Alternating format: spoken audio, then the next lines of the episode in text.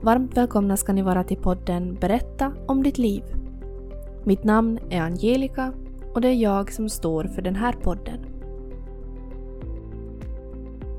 Välkommen Camilla! Tack! Jättekul att ha er här idag. Vi sitter vid Psykosociala förbundet i Jakobstad och jag har med mig dig Camilla och så har jag Christer Julfors. Och idag så kommer vi att fokusera mest på, ja, vi kommer att ha egentligen indelat lite i två delar. Vi kommer att prata om er verksamhet och vad ni gör här idag. Och så kommer vi att få se det från brukarens sida. För ni ordnar ju en hel del kurser och uh, evenemang kanske. Kan man säga det? Mm, kan man kanske säga. Ja. ja. Mm. Vill du berätta lite mer om vad ni gör här? Det ska jag göra. Uh, och tack för att vi, vi fick den här möjligheten.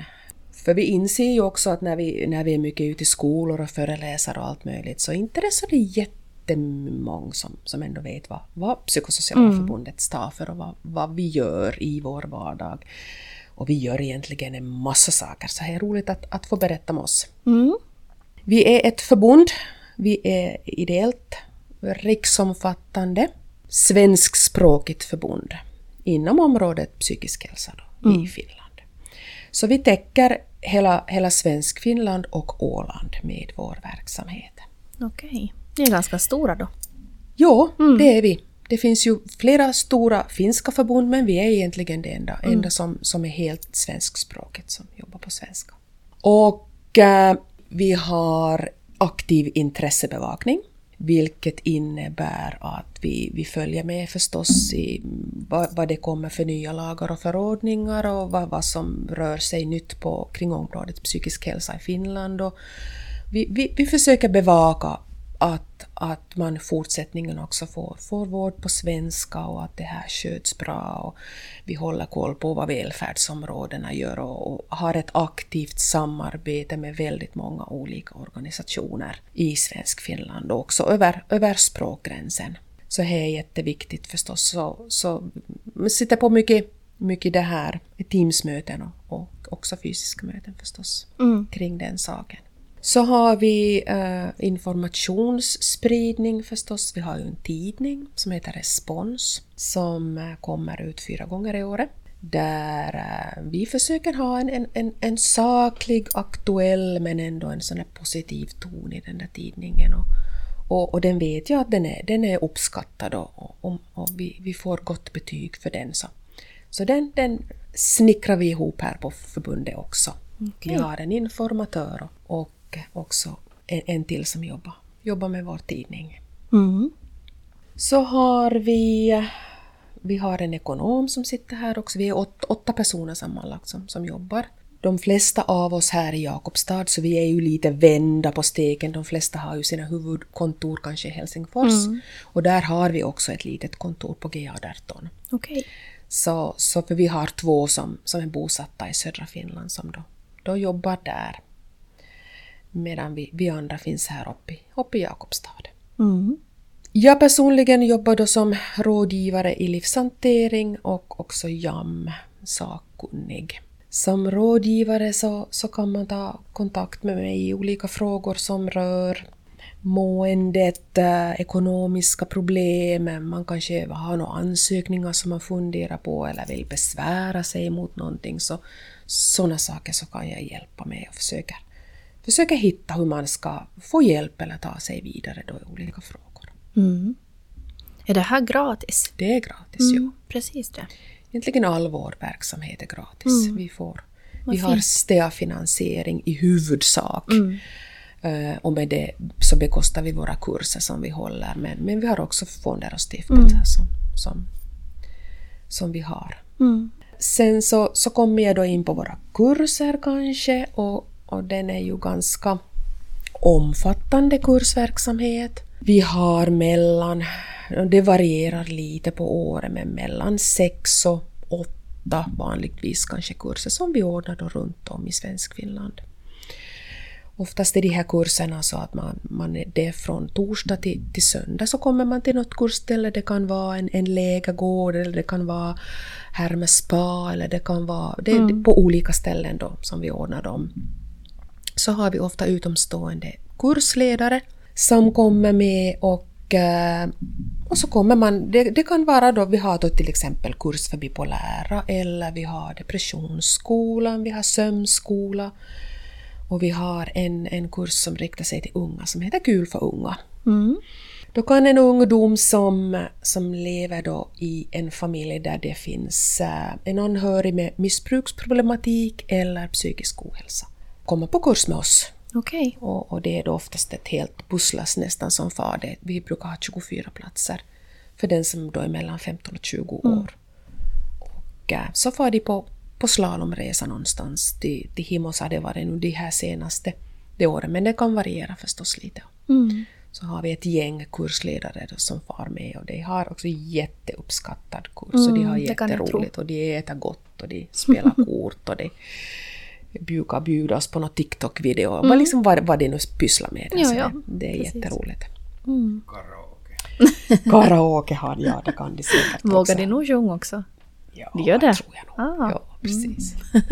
Vad modigt att vara 15 år och våga sjunga karaoke. absolut. Ja, ja, men de, de får nog, tror nog de får bra sammanhållning Mm. på de där kurserna.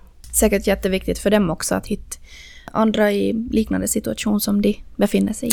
Det är precis det och det är Mm. ju det i huvudsak som, som våra kurser går ut på. Det är kamratstöd. Mm.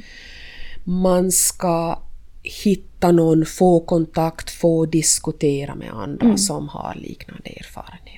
Mm. Det är jätte, jätteviktigt. Då lär man sig, man lär ju sig absolut inte bara av kursledarna som jo, de håller, håller kanske lite föredrag och, Mm. och diskussioner men, men liksom man lär ju sig lika mycket av de som, som har varit i samma situation, som har upplevt det där Mm. som, som på det sättet Absolut. ger det där kamratstödet. Så. Mm. Och den där förståelsen. Det är väl kanske den som man oftast söker efter. Nej men precis. Mm. Ja, kunna, kunna liksom få bara det där att ja men det där har någon annan också upplevt. Mm. Det där har, har någon annan varit känt precis som jag har Mm. gjort. Och det är ju jättevärdefullt. Absolut, det är det.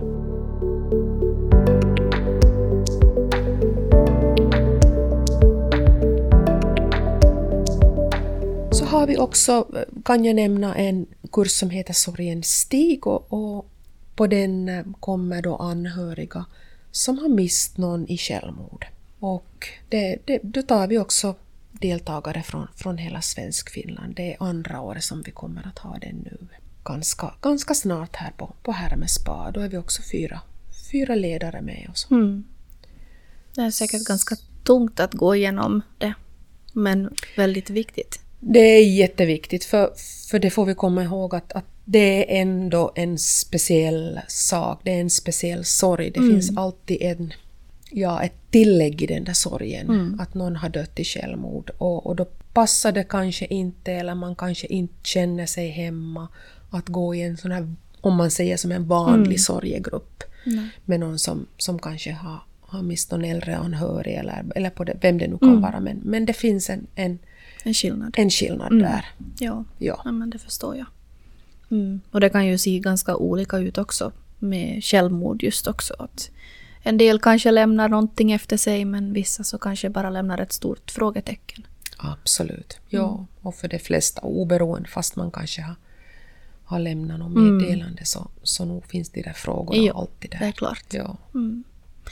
Ja, nej men ni har ju nog en väldigt, väldigt viktig verksamhet. Vad roligt att få Det har vi. höra lite vad, vad ni håller på med Ja. och vad ni har att erbjuda. Jag såg också, jag var in på er sida här och kollade att ni ska ha, var det här i oktober, no, november någon gång som ni har någon sån här par... eh, Mm. Vi har en Parkurs. kurs för par. Ja. Jeps. Mm. Och eh, då, då är det liksom samma princip. Då kommer man som par på kurs och då gäller det då att den ena eller båda har psykisk ohälsa. Mm. För det, det vet man förstås och det är ju ingen skillnad om, om vilket parförhållande man lever i, om det kommer är det nu då psykisk ohälsa eller det kommer en sjukdom eller kommer någon funktionshinder eller vad det kan vara så lägger det extra press och stress på relationen så är det ju bara. Jag Absolut. menar, det, är ju, det kan vara jobbigt i, en normal relation så, så då vet man att, att, att och det kommer någonting ytterligare så. Mm. Ja, men det det tror jag är extra. jättebra. Jag, jag skulle ha önska att jag skulle ha sett det här tidigare. Idag, idag så lever jag i en, en frisk relation om man kan säga så, men, men jag har varit där i den, i den situationen där, där jag har haft psykisk ohälsa och mått jättedåligt. Och, och man mår ju... Alltså, det blir ju på något vis väldigt giftigt. Eh, från båda sidorna. Eftersom att man själv, man vill ju inte vara där man är, men man kan inte göra så mycket åt saken heller. Och inte vill man ju heller dra ner sin partner i, i depressionen och allt det här tunga, Nej, mörka precis. som man har. Ja, Så det, ja, det är nog en jätteviktig kurs också. Mm, det är det. verkligen. Om att om man ens lite kan just öka förståelsen mellan de här båda motpolerna så, Mm. så, är, det, så är det mycket vunnet. Absolut, så är det. Ja. Så vill jag också nämna att vi, vi föreläser en hel del. Det, man kan ta kontakt med oss. Det, det gör mycket skolor, andra liksom föreningar och det kan vara det kan vara någon Marta, Marta-förbund eller vem som helst som, som vill ha ändå en, kanske en föreläsning kring eh, psykisk då. hälsa. Ja, oftast är det då bassaker kring psykisk Okej. hälsa, hur man kan ta hand om sig och, och, och, och sånt. Och, och så har vi ju vårt JAM-projekt kan jag, kan jag då nämna här ännu till sist att vi har ett vi administrerar ett, ett JAM-projekt i Finland som, som vi hittade i Sverige för många år sedan. Det är ett forskningsbaserat projekt där vi, så vi erbjuder till, till skolorna, till åttondeklassisterna har vi gjort så. Vi, de får fem lektioner i psykisk hälsa. Mm, jättebra. Så, så vi är då utbildade JAM-instruktörer. Nu här på, på förbundet finns tre, men sen har vi också i södra Finland och i Sydösterbotten flera, så vi är kanske en 9-10 nu idag som, som kör det här ute i skolorna. Och tanken är att det här nu ska spridas och, och fås till, till flera skolor och, och vi har också på gång att, att översätta det här materialet till finska. Mm. Det är de här planscherna som du ser här. Nu kan man Okej. inte se när det är en podd, men, men det är det som, som, som vi jobbar kring. Alltså vi pratar om vad, vad psykisk hälsa är, eh, hur man kan ta hand om sig, hur man kan hjälpa en kompis och var man kan söka hjälp och stöd om man behöver det. Och, och mycket annat. Och, och det, det är då fem lektioner. Och, det är egentligen två, två lektioner som, som innehåller då mera sån här information och vi jobbar kring en powerpoint och sånt och sen så, så rollspelar vi kring olika, vi har dilemma, dilemmadiskussioner och, och, och så vidare bortåt. Så, så det, Just det tar mycket av vår tid också. Men alltså det här är ju alla de här planscherna som är sidovader. Psykisk hälsa, självhjälpsråd, stress och kriser, depression och självmordstankar, att hjälpa en vän som har det svårt. Vem kan jag be om råd? Alla de här planscherna, så, det här är ingenting som, eh, som fanns i skolorna då jag gick i skola. Nej. Och det var, alltså jag gick i högstadiet där kring 2000, vad blir det då? 2006, 2005 någonting. Det är ju inte alldeles för länge sedan. Och eh, det här är ju en, det här är ju vardagen. Mm, men exakt. På, på väldigt många vis. Ja. Så det är ju, det är ju jättebra att de får den här informationen. Men det skulle ju behöva vara en del av eh, läroplanen någonstans. För, alltså för alla elever. Tycker jag. För att det finns ju jättemycket ungdomar, och speciellt i dagens läge, som mår jättedåligt. Så det här skulle ju kunna vara till så stor hjälp för dem. Mm. Men precis, och, och, och alltså, vad vi tänker med det här är det här att, att normalisera Mm. det här med att liksom, hur, hur tar man, om man blir stressad, hur tar man hand om sin Mm. Precis. stress? Och, och jättemycket diskuterar vi kring det här att trots allt så kan man göra mycket själv Mm. för sitt mående. Absolut. För att psykisk hälsa det är ju någonting som alla av oss lever med varje dag. Det är ju ingenting konstigt med det. Nej. Eh, Så, så, så det är det vi, vi, vi vill ta ner det liksom på den här vardagliga nivån och prata om det här att vad, vad är psykisk hälsa i min vardag och hur, hur kan jag liksom förhålla mig till den och, och om, jag, om jag är, är ledsen eller nere, vad, vad gör jag för att, att må bättre och det här. Så, så Ja. På det sättet. Och som ung så tänker man ju kanske, ifall man då kanske är deprimerad eller har ångest, man, man vet ju kanske inte riktigt vad det är. Utan man kanske tänker att det är en del av, av tonåren, att det hör till. Eh, Vilket det säkert delvis kan göra för att man är ju i sökandet efter sig själv och man är osäker och det far lite upp och ner och så. Men eh, sen är det ju nog jätteviktigt att om det blir för mycket att man också vet att man kan sätta ord på vad det är för någonting.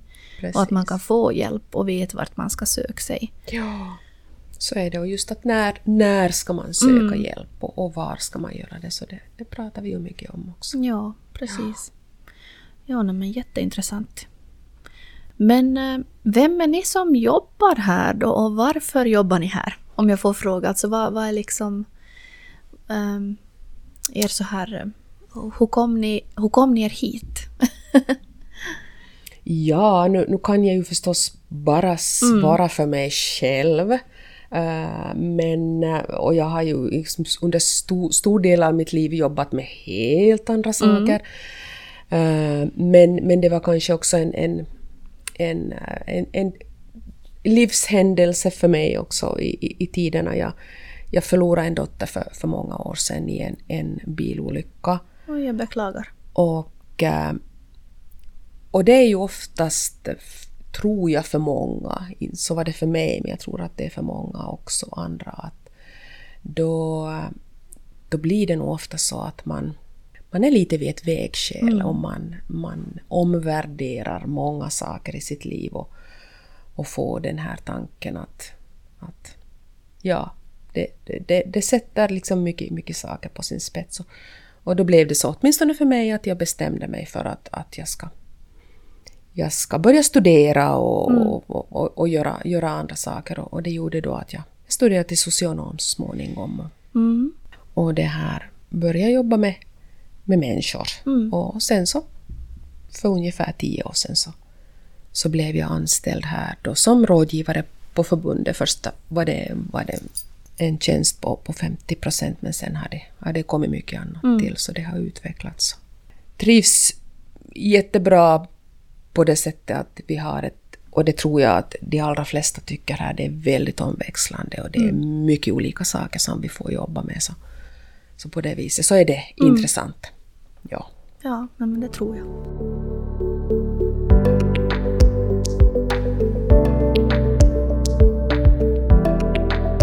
Hur hög tröskel skulle du säga det att komma hit? Alltså om man, om man nu går och liksom funderar på sin eh, mentala hälsa och ohälsa. Kommer man först till dig och du liksom säger vart man...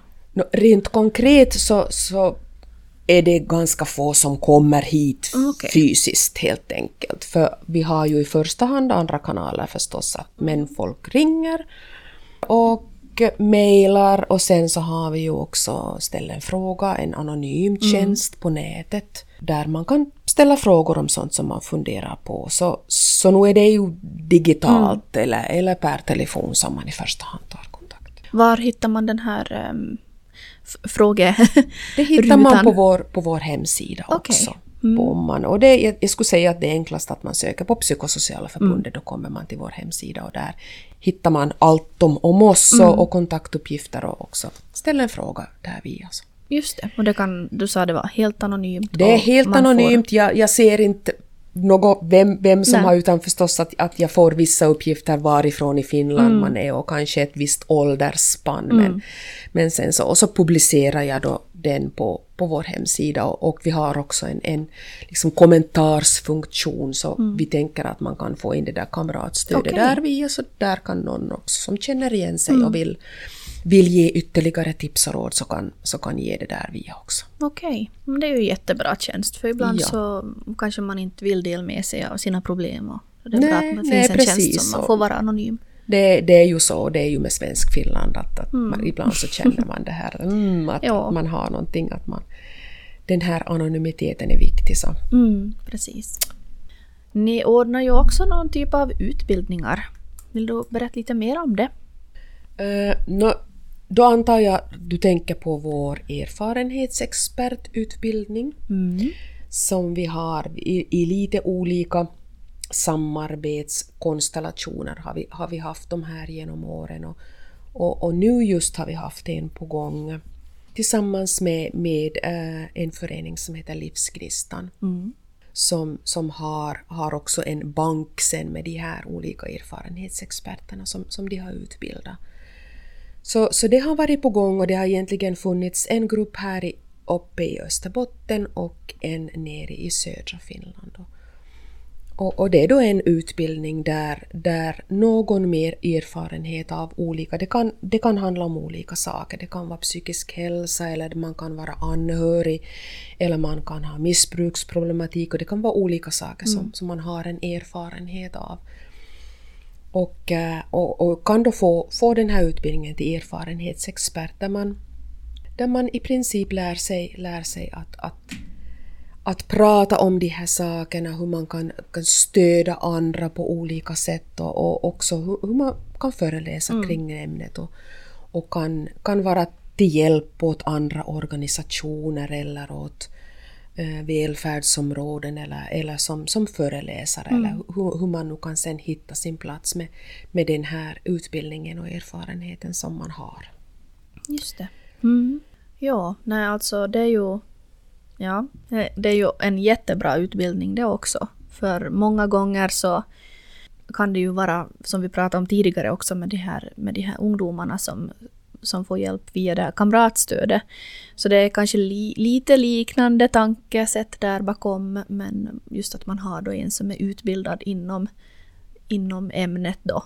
Och att man just får den där, att man kan relatera till mm, till precis, ja. personen. Mm. Som är så viktigt och den där förståelsen. Ja. Man just kan se att för de här personerna som går den här utbildningen så det är väl personer ofta som har befunnit sig i ett visst skede i livet som har varit väldigt jobbigt till exempel, men som har kommit ur det. Ja men precis, att man, man tänker att, att man har, kommit en bit på vägen och, och mår bättre men man har ju en massa erfarenhet mm. som man kan ösa ur och dela med sig av och, mm. och som kan vara viktig att, att för, för, samhället att få ta del av just mm. med att till exempel utveckla tjänster eller på det sättet. Mm. Ja.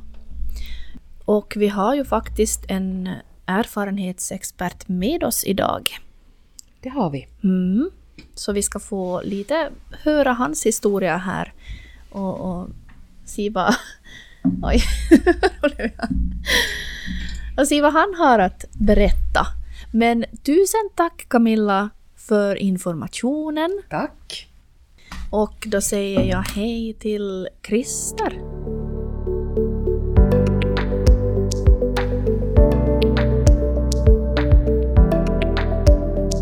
Kul att du sitter här mitt emot mig idag. Tack. Mm.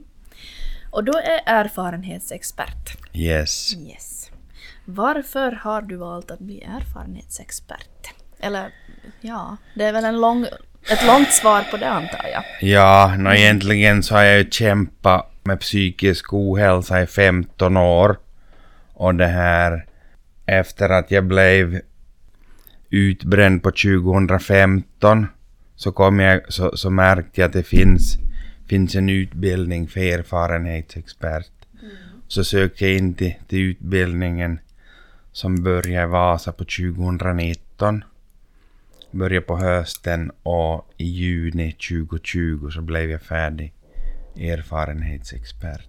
Ja, alltså jag är 43 år gammal och bor i Esse med min familj, med fru och fem barn.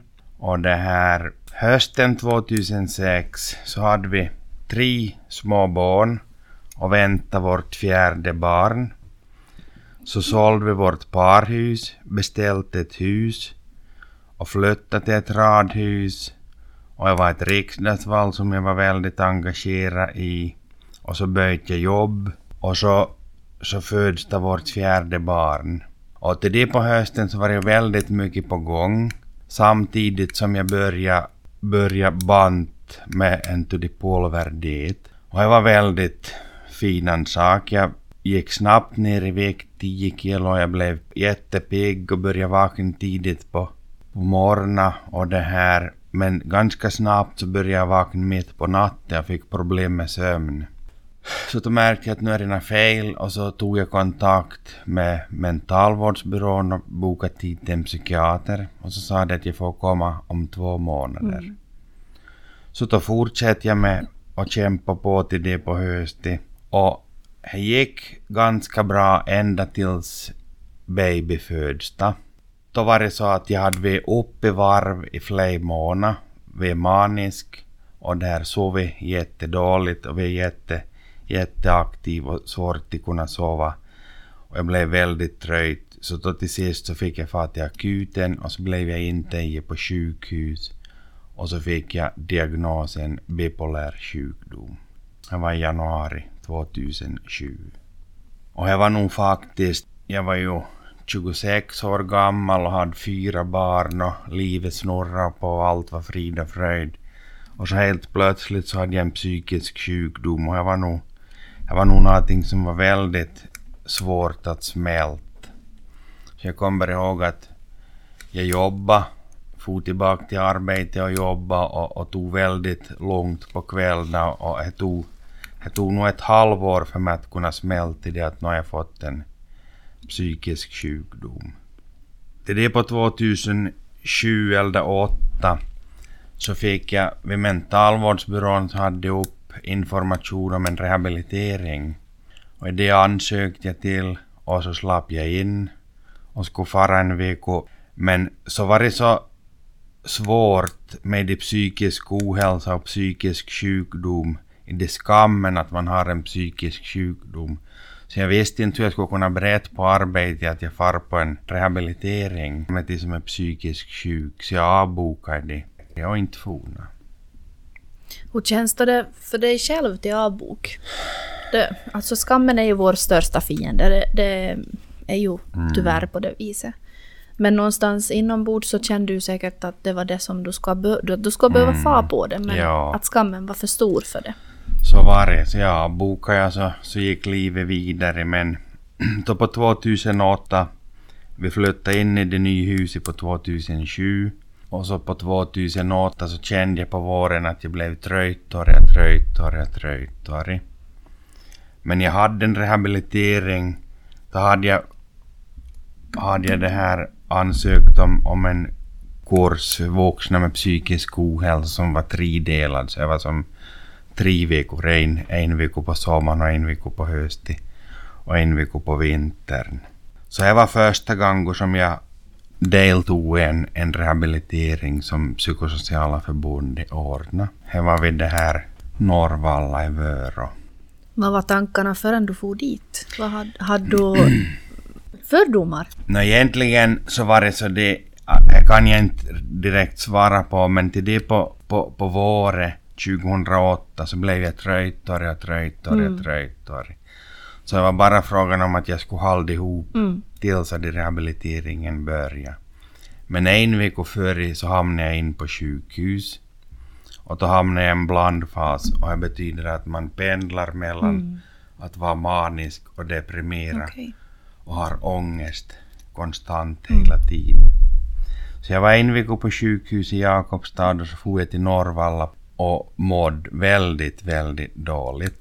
Men det gick nog att vara någorlunda. Men efter det så då hamnade jag till Ropanäs.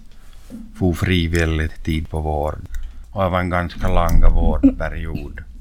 Men det som var positivt med den här perioden var att då visste ju allihopa att nu hade vi, nu hade en psykisk sjukdom och nu hade vi på Ro- Ropanäs. Och då var det lättare att börja berätta om den, de, om den de saker.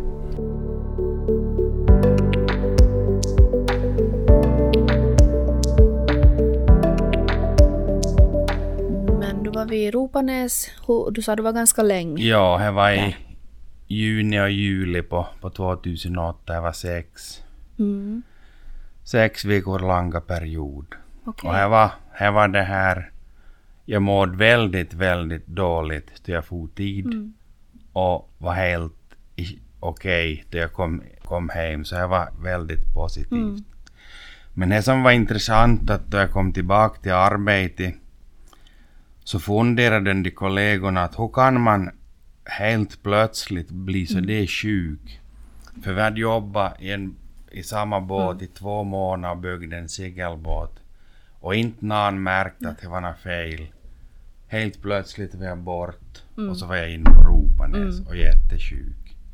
Jag hade ju sjö- själv känt då under två, tre månader att det blev sämre och sämre. Och jag bara försökte få fokusera på att sköta det Mm. arbetet. Och så vilade jag och tog, lo- tog det långt på kvällen. Och det är ju det som är så, så otroligt med psykisk ohälsa och speciellt med bipolär sjukdom att det kan förändringar kan ske väldigt snabbt. Att man kan börja må dåligt väldigt snabbt. Ja, jag tror att överlag så är vi, kanske speciellt i Finland, och speciellt kanske som kar, så tror jag att man eh, har man psykisk ohälsa så, så är det en stor skam och man får inte vis utåt. Så jag tror man, man kämpar nog in i det sista att spela den där teater. Ja, så är det. Så, och så är det nog överlag tror jag också att eh, just när det kommer till arbete så det är klart man vill sköta arbete. Det, det är ju så, man vill hålla ihop och man vill ju vara frisk.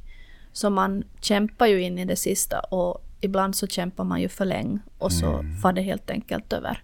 Och så har det farit allt för långt. Så är det. Och då kan det vara den här åter, återhämtningen som blir betydligt svårare och längre.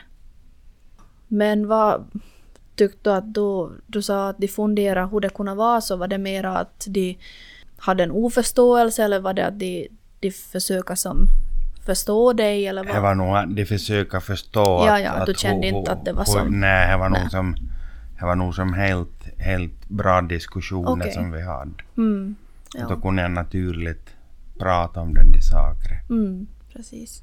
Så då får ju kanske det här eh, no, att du hade kanske lättare till Ja, till prat. ja, det var nog som en, en, en vändpunkt, vändpunkt. Att i de första ett och ett halvt året så kunde jag inte alls prata med utomstående om min psykiska ohälsa utan det var nog bara familjen och, och närmast vänner. Men efter det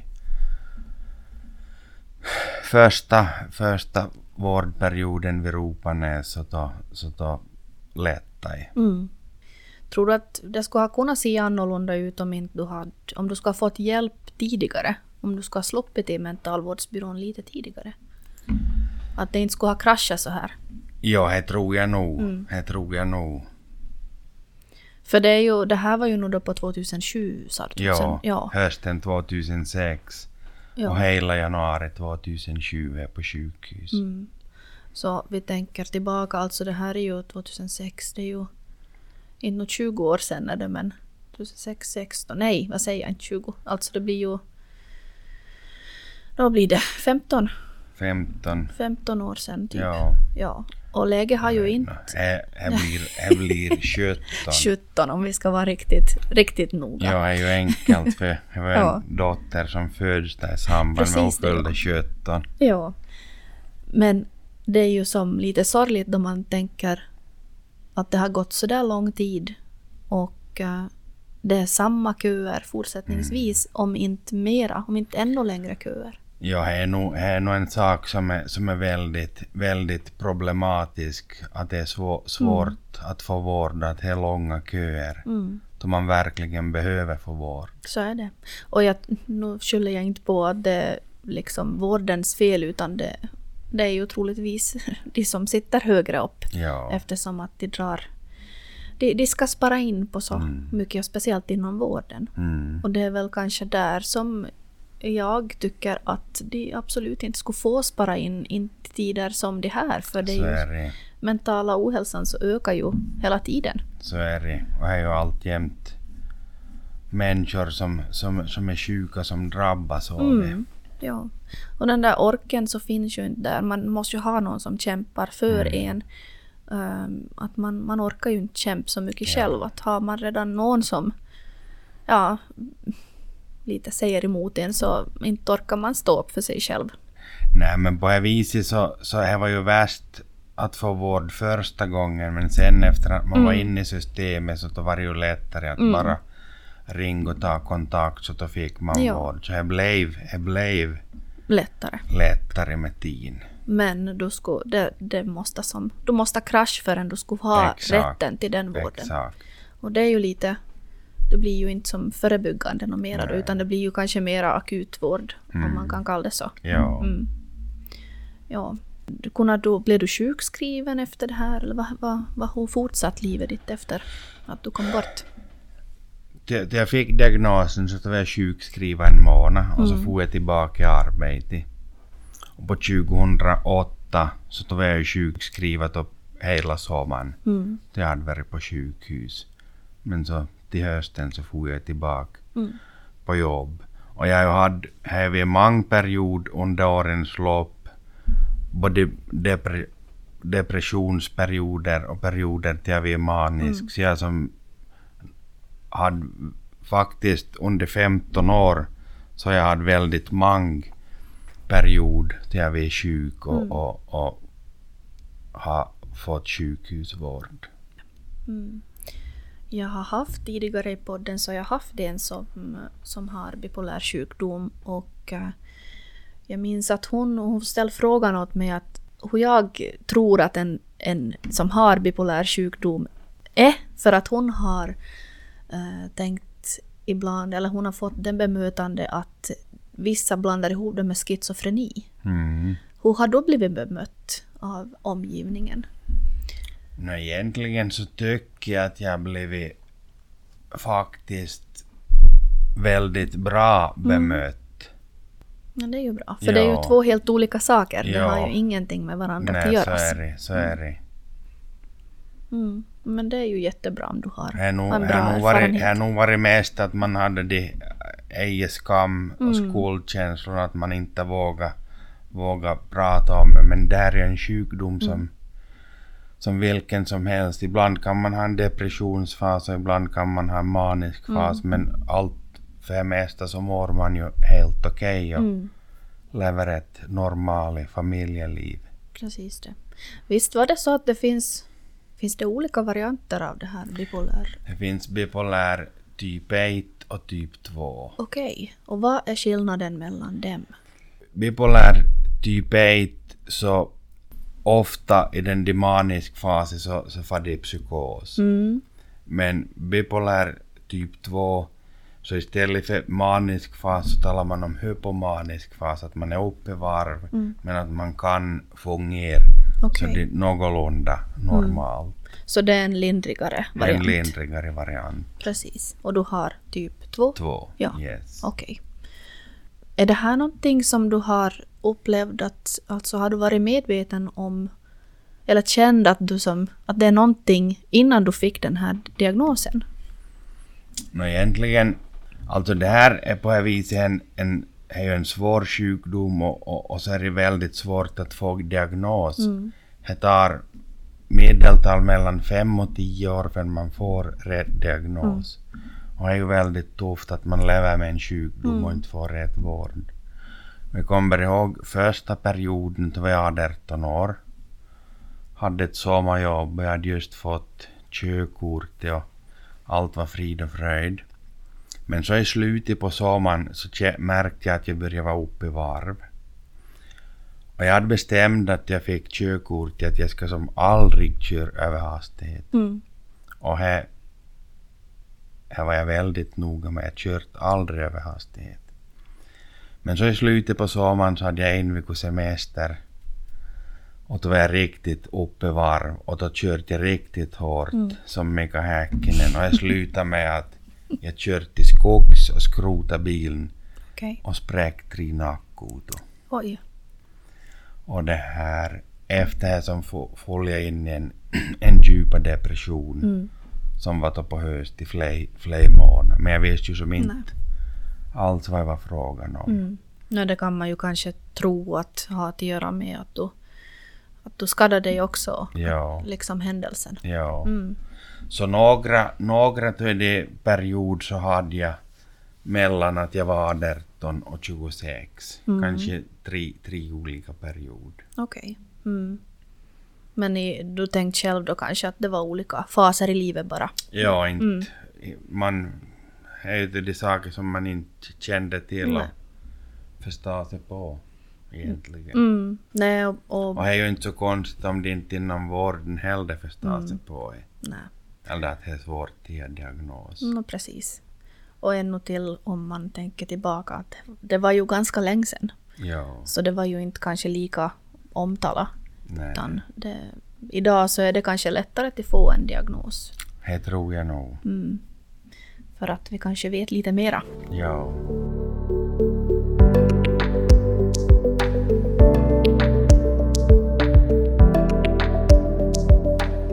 Så här under årens lopp så har vi, vi en hel del depressionsperioder och också perioder med hypomani där vi full fart. Men 2011 så började jag på ett försäkringsbolag som försäljer och då fick jag ha en långa period som var jättebra.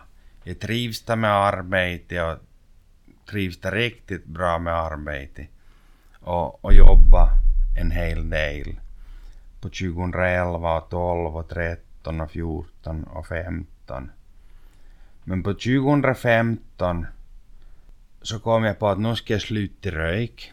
Och det skulle jag göra i god tid för en skidetävling. Jag var, hade anmält mig till Botniavasan. Men jag rökte ju, rökte ju och först första februari så slutade jag till röka. Det var inga problem. Och 8 februari så var jag skidor Botniavasan. Det är 52 kilometer. Det var ju kanske något lite för lång för min, min kondition men det gick, det gick jättebra. Mm. Men efter det skidrasi så en vecka så kände jag en dag att nu är jag som jättetröjt. Att nu, nu orkar jag som inte arbeta heller. Jag sjönk ner i en depression. Då tog jag kontakt med sjukvården så fick jag en depressionsmedicin och gick väldigt snabbt om. Det som var problemet att jag inte hade någon kontakt med sjukvården och inte någon uppföljning på det medicin. Så jag blev uppe i varv av det medicin och jobbade väldigt hårt och så blev jag försäljningschef och hade väldigt mycket arbete och jobbade väldigt hårt hela 2015. Och då det blev semester så märkte jag att nu är jag jättetrött. Men efter semestern i augusti så var det en morgon som jag inte kom upp ur sängen mer. Jag kände som en tåg hade kört över huvudet och jag var riktigt totalt slut. Då hamnade jag in på sjukhus och då började en, en väldigt lång och tuff period. För jag mådde väldigt dåligt och var väldigt trött. Och efter, efter 2015 så försöker jag få tillbaka till arbetslivet både på 2016 och 2017 och 2018. Men jag var helt utan energi. Så jag var väldigt många år som, som var väldigt, väldigt tuff. Och det här, det slutade med att jag fick sjukpension 2022.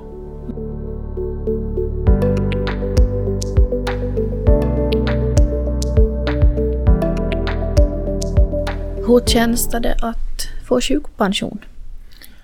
Alltså, det var ju en process som tog 20 år att få, få sjukpension. Eller egentligen fem år efter att jag konstaterade att nu klarar inte jag av att arbeta mer. För att jag är så trött. Så, så det var nog en jättestor vad heter det? lättnad Mm. Till egentligen få de sjukpension. Och veta att nu behöver jag inte försöka fler gånger få tillbaka som jag Mm. ändå inte klarar av. Mm. Ja, precis. Var det lätt för dig till, till accepterat så här är läget nu och, och vi pratar lite här i pausen så pratar vi ju också om det här med att att man eh, just lär sig till no, men acceptera att efter en utmattning så det finns inte något som heter att få tillbaka till Mm. sig själv. Utan man, man upptäcker ju kanske en ny, vers, ny version av sig själv Mm. som kanske känns fel för att Ja. man kanske har haft en vers version av sig själv där du har kunnat jobba 100% och kanske jobba alldeles för mycket. Mm. Och den här stresstoleransen har varit betydligt högre och kanske för hög under en lång period. Men den där utmattningen så kommer ju också för att man inte har hörd på kroppen sin. Mm. Så det. Så det är ju en lärdom och det är ju kroppen som säger att nu har du jobbat för hårt för länge och nu orkar inte jag något mera. att nu, nu måste vi som sagt ner. Mm. Men det kan ju vara svårt det där att faktiskt acceptera att läget är som det, som det. Ja, det var nog verkligen, verkligen tufft. Om vi tänker hur det var efter det blev, gick i väggen 2015 så i tre års tid så försöker jag, Mm. var jag bara fo- fokuserad på att nu ska jag bli check och nu ska jag tillbaka till arbetslivet. Mm. Men eftersom jag var så trött och utmattad så inte gick så på 2018 så bestämde jag att nu ska jag söka sjukpension. Men jag var nog 18, 19, 20, 21, 22. Det var ju en period på fyra år Mm. som man fick fundera. Så det var nog ett, det- var en lång process och en tung process. Så det tog nog länge förrän jag kom fram till att kunna acceptera att nå blir det sjukpension. Mm. Det var nog en väldigt lång och tuff väg. Mm. Men då jag insåg på 2018 att det här går inte. Så då måste man börja tänka i nya banor. Mm. Och det kan vara ganska lång väg till att börja tänka nya banor för man är så envis med att man, man på något vis har ett, ett mål och man har en, en förväntning på sig själv att man ska vara på ett, ett skilt sätt och man ska orka som förr och, Mm, och så Så vidare. det. Så, Så man kan säga att det tog, det tog 20 år att acceptera, acceptera att, att nu är det på det här viset. mm. Det måste ju vara skönt sen då man, då man faktiskt accepterar, för det kommer ju den där dagen då man bara jaha, men det här är jag och, Mm. och det är helt okej att vara så här. Mm. Att man inte strävar efter något annat, något Ja. högre som man vet att man inte, man har försökt med det där. Mm. Men det är ganska skönt det där då man, då man bara man lär sig att vara snäll mot sig själv Mm. och, och kanske leva dag för dag. Så är det. Mm, att man inte siktar alldeles för högt. Men att man ändå har sina drömmar och mål. Men Ja. att det är inte där största målet i livet kanske att man ska uppnå dem. Utan Nej, ja, det viktigaste är att man får må bra. så är det. Mm. Och eh, om vi nu får tillbaka till det här ehm, erfarenhetsexpert. Är det just det här bipolär sjukdom som du är mest och föreläser om? Ja, Mm. Just det. nu var det ju corona då jag blev färdig så har jag inte blivit så, Mm. så mycket men det här är det om, om man ser på det sjukvårdspolitiken så då finns ju en hel massa saker som skulle kunna utvecklas och bland annat det psykvården i Österbotten och speciellt vid Ropanäs har ju nog varit, varit det här varit under 20 år på tapeten. Mm. Så jag skriver faktiskt en gång ett, ett brev till styrelsen på sjukvårdsdistriktet och vill ha förklaring på, på vissa frågor. Och, och då tog de kontakt så jag fick faktiskt ett möte med chefsläkaren och, och översköterskor vid, vid Ropanäs. Mm. Jag var på ett möte och, och, och, diskutera, bolla olika idéer hur, hur det skulle Okej. kunna utvecklas där vården. Men det var ju jättebra. Ja. Har det skett någon förändring då? Tror du? Här vet jag faktiskt. Det är svårt, svårt att, att, att säga om man inte har insyn Mm. i hur det funkar och man inte, man inte är jättelänge sedan jag själva Mm. var på sjukhusvård. Ja, precis det. Mm. Men att jag fick bidra med min erfarenhet Mm. Ja. från en långa period. Mm. Precis det. Och så har jag deltagit i ett radioprogram och ett TV-program. Okej, just det. Är det länge sedan eller är det ganska nyligen? Det där radioprogrammet ganska nyligen och det TV-programmet så var faktiskt på 2015. Okej. Ja, så det var egentligen det här å- var det innan du blev riktigt... Var innan innan, jag, blev, innan jag kraschade så lagade Mm. vi det TV-programmet. Okej. Handlar det om just bipolär sjukdom? Ja. Okej. Mm. Precis det. Det var himla liv.